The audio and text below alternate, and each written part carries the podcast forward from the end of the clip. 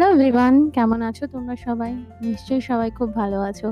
আমি তোমাদের বন্ধু মধুরিমা আজকে খোলা চিঠির আড্ডা নিয়ে তোমাদের সঙ্গে আরও একটা নতুন রাতে, রাতের অতিথি হয়ে হাজির হলাম গল্প করার জন্য। আজকে অনেক দিন পর, প্রায় সাড়ে তিন, চার মাস পর আমার কলকাতা শহরটায় গিয়ে মনে হলো হয়তো একটু হলেও প্রাণ ফিরে এসেছে। আজকে আমি বেশ কিছুদিন পর আমার প্রিয় শহর কলকাতার একটা প্রিয় কর্নার ধর্মতলা। এইখানে যেখানে আমার অনেক স্মৃতি জড়িয়ে আছে। সেই জায়গায় আজকে আমি গেছিলাম এবং সেখানে বেশ যা, যা দোকান, পাট সবই বেশ নতুনভাবে নতুন মোড়কে আবার রিওপেন হয়েছে এবং সেই সঙ্গে সবথেকে ভালো লাগার বিষয় যেটা, সেটা হচ্ছে যে প্রত্যেকটা মানুষের মধ্যে বোধহয় কোথাও গিয়ে এটা দেখে ভালো লাগছে যে সবাই ভীষণভাবে সচেতন এবং সেই সচেতনতা থেকেই আজকে মনে হলো যে আমরা অনেকটা এগিয়ে গেছি। আর আমার দেশ পিছিয়ে নেই। একদিকে যেমন কিছু যোদ্ধা প্রাণ দিচ্ছেন, সেরকম অন্যদিকে প্রাণপণে লড়ছেন আমাদের দেশের চিকিৎসকরা, স্বাস্থ্যকর্মীরা। সেরকমভাবেই প্রত্যেকটা মানুষ কিন্তু ছোট বড় নির্বিশেষে আমি খুব ফ্র্যাঙ্কলি তোমাদের সঙ্গে সব কথা শেয়ার করি বলেই বলছি। হয়তো হয়তো যারা মোটে মজুর, রোজকার খেটে খাওয়া মানুষ, আমি তাদের মুখেও মাস্ক দেখেছি। তাদেরকেও কোনো বড় দোকানে ঢোকার আগে হাতে স্যানিটাইজার ইউজ করতে দেখেছি। এবং শুধু তাই নয়, আমাদের মতো যারা খুব কম হয়তো ভয়ে বাইরে বেরোচ্ছেন না, সেই সমস্ত মানুষদেরকে বাসে উঠে বা তার ক্যাবে উঠে নিজের সিটটাকে স্যানিটাইজ করে নিতেও দেখেছি। প্রতিটা শ্রেণির মানুষের মধ্যে একটাই জিনিস আমি কমন পেয়েছি।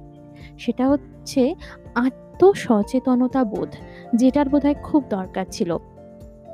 হ্যাঁ, এটা ঠিকই প্রতিদিন অনেক সংখ্যক রেকর্ড সংখ্যক সংক্রমণ হচ্ছে। কিন্তু তার মাঝেও এই যে একটা ভাব প্রত্যেকটা মানুষের মধ্যে রয়েছে, সেটাই আমাদেরকে আস্তে, আস্তে সুস্থতার দিকে নিয়ে যাবে বলে আমার বিশ্বাস। আজকে খোলা চিঠির আড্ডায় আমার মনে হলো তোমাদের সঙ্গে এই কথাগুলো শেয়ার করা খুব দরকার। প্রত্যেক দিনই তো কিছু না কিছু টপিক থাকে। প্রত্যেক দিনই আমার ভাবনা চিন্তা, আমার যা মনে হয় চারপাশটা দেখে। একদিন আমি তোমাদের সঙ্গে শেয়ার করেছিলাম যে আমি বাসে উঠতে গেছিলাম এবং বাসে উঠতে গিয়ে আমি দেখলাম মারাত্মক প্রবলেমের মধ্যে পড়েছি আমি। সুস্থতার কাতিরে কিংবা চিকিৎসার জন্যই হয়তো আমাকে বেরোতে হয়েছিল। কিন্তু আজ আমি গেছিলাম একটা বিশেষ আনন্দের মুহূর্তকে সেলিব্রেট করতে। আমার ২ বছরের একটি মেয়ে আছে। তো তার জন্য আমার একটা গিফট কেনার ছিল এবং আমার মনে হয়েছিল যে যাই কিছু হয়ে যাক, সে তো বড্ড ছোট। এমনিতেই ওরা বাড়ি থেকে বেরোতে পারছে না। তো সেখানে যদি আমি তাকে একটা তার পছন্দের কোনো গিফট খেলনা তার হাতে তুলে এনে না দিই, তাহলে বোধহয় মা হিসাবে আমি কোথাও পিছিয়ে পড়ব। তোমাদের কি ওপিনিয়ন? যদিও এগুলো খুবই আমরা বলি না যে ম্যাটেরিয়ালিস্টিক যে কোনো জিনিস দিয়ে বোধহয় কাউকে খুশি করা যায় না। কিন্তু অনেক সময় বাচ্চাদের মনে মধ্যে তো তারা তো অত বোঝে না যে একটা ভালো হয়তো তাকে কোনো গল্পের বই উপহার দিলে সেটাও পড়ে তার আনন্দ পেতে পারে সে। কিন্তু সেইগুলো তার কাছে অতটা ম্যাটার করে না বাচ্চাদের কাছে। তো সেইখান থেকে আমার মনে হয়েছিল যে ওর জন্য ওর পছন্দের গিফট কিনে আনাটা খুব দরকার। সেটা বোধহয় এই সময় ও যে বাইরে বেরোতে পারছে না, ও যে পার্কে যেতে পারছে না কিংবা ওর গ্র্যান্ড যারা গ্র্যান্ডফাদার্স রয়েছে, গ্র্যান্ডমাদার্স রয়েছে তাদের সঙ্গে ও যে অনেকটা সময় বাইরে কাটাতে পারছে না, সেটার জন্য বাড়িতেই কিছু ইনডোর গেমসের প্রয়োজন আছে। যেটা বোধ হয় ওর জন্মদিনের প্রিয় উপহার হবে।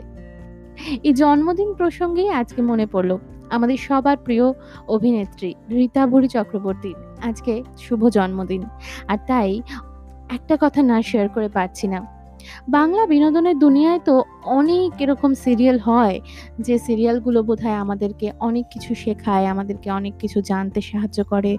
আমাদেরকে ইভেন অনেক এমন সিরিয়ালও হয় যেগুলো নেগেটিভ ইম্প্যাক্টও বোধ আ আমরা মাঝে, মাঝে ফিল করতে শুরু করি। সেই জায়গা থেকে আমি একটা সিরিয়াল দেখতাম। তখন নতুন, নতুন তখন আমি কলেজে পড়ি, আমার মনে আছে। এবং সেই সময় আমি 'অগুবধি, 'অগুবধূ সুন্দরী' বলে একটা সিরিয়াল হতো এবং যেটা লিড করতেন এই রীতাভরি চক্রবর্তী এবং আমার এত ভালো লাগতো এই সিরিয়ালটা দেখতে। তো সেই, সেটার কথা প্রসঙ্গে এলো খুব সাবলীল একটা গল্প এবং সেটা নিয়ে একটা মেয়ের নিজেকে এস্টাবলিশমেন্ট যে একটা মডার্ন মেয়ে, সে কীভাবে গিয়ে একটা বিশাল যৌথ পরিবারে নিজেকে অ্যাডজাস্ট করে নিতে পারে।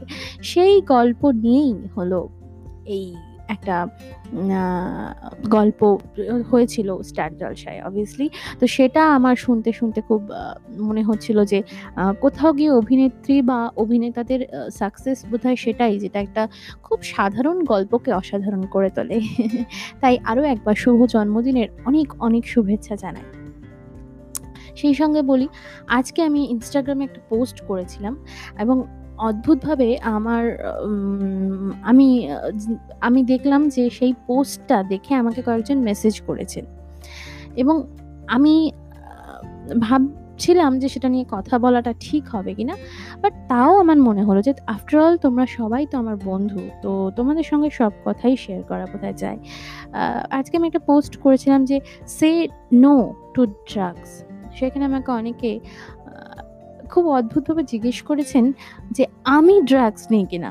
না, এটা এই জন্য আমি আজকে পোস্ট করেছিলাম যে ড্রাগস এমন একটা জিনিস যেটা বোধহয় আমাদেরকে আমাদের সাধারণ জীবনযাত্রা, আমাদের সাধারণ যে একটা জীবন সেটা থেকে কোথাও গিয়ে আমাদের বিচ্যুতি ঘটায়। সেটা কোথাও গিয়ে আমাদেরকে একা করে দেয়। হয়তো একাকিত্বটাকেই ভুলে থাকার জন্য অনেকে এই ড্রাগসের মতো মারাত্মক জিনিসের কবলে পড়েন। কিন্তু একাকিত্ব দূর করার জন্য তো অনেক মানুষ রয়েছেন। যেমন ধরুন যারা ভাবেন যে যাদের হয়তো অনেক দূরে তাদের হোম টাউন এবং তারা হয়তো একা এই বিশাল শহরে বড্ড একা তারা ভাবেন যে কি করে কাটাবো অফিস থেকে ফিরে বাকিটা, বাকি যে সময়টা রয়েছে, সেটা কি করে কাটাবো?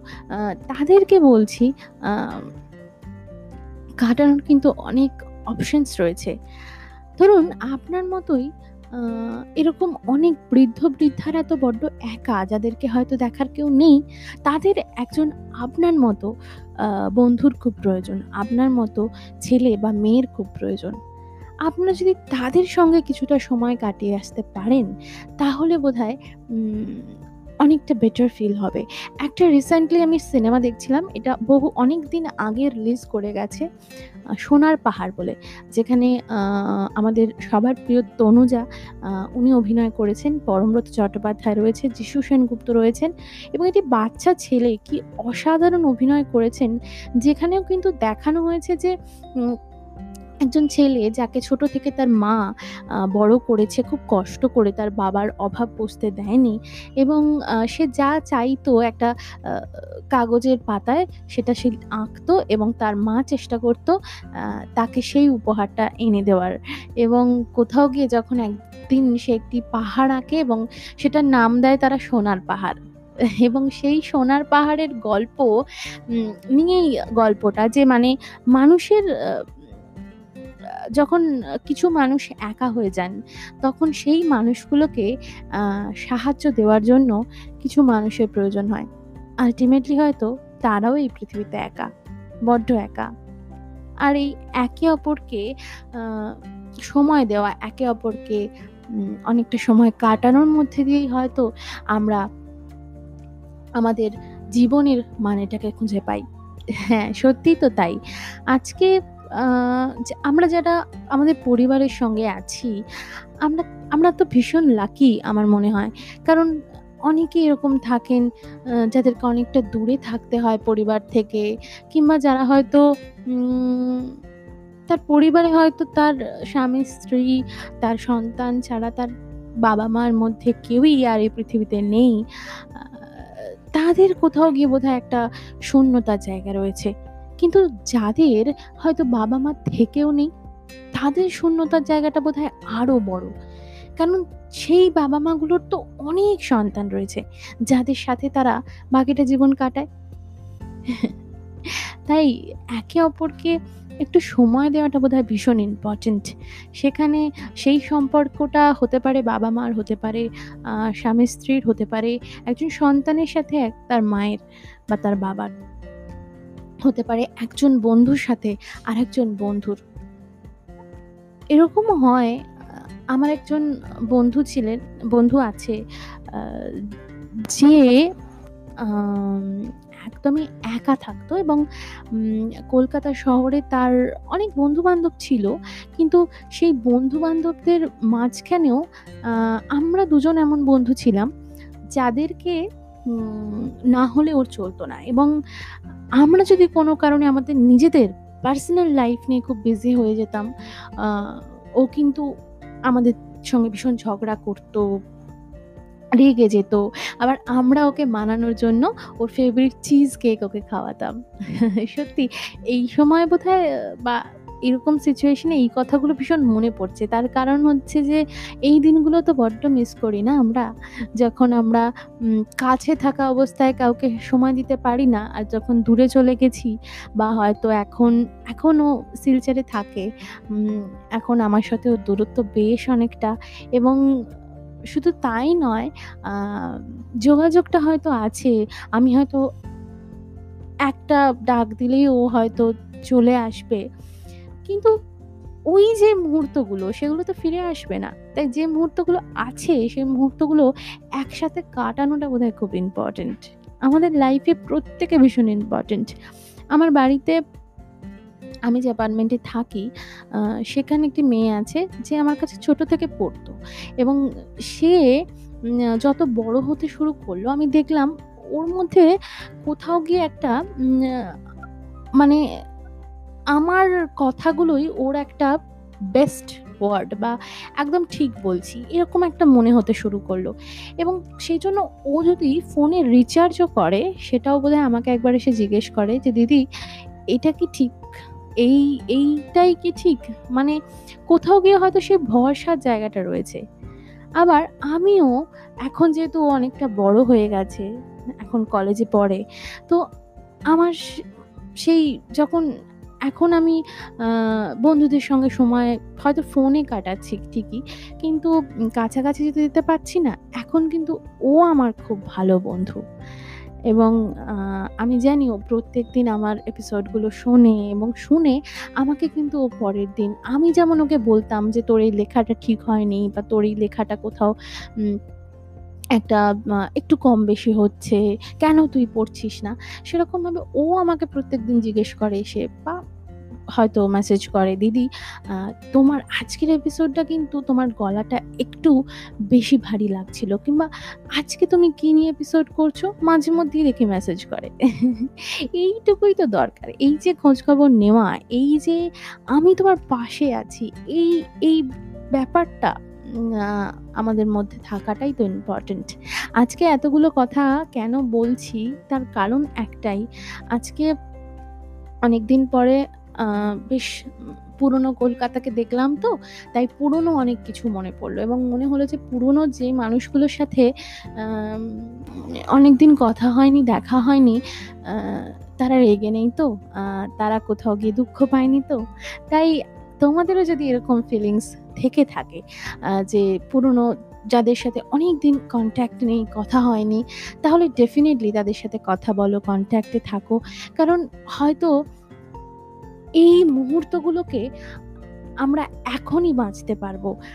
এর পরে বাঁচতে পারব না। কারণ সিচুয়েশন পাল্টাচ্ছে। ৪ মাস আগেও আমি যে এসপ্ল্যানেড কে দেখেছিলাম, চার মাস পরে কিন্তু তার একটা অন্য রূপ। হয়তো পুরনো ছন্দে ফিরছে ঠিকই, কিন্তু অন্য রূপে ফিরছে।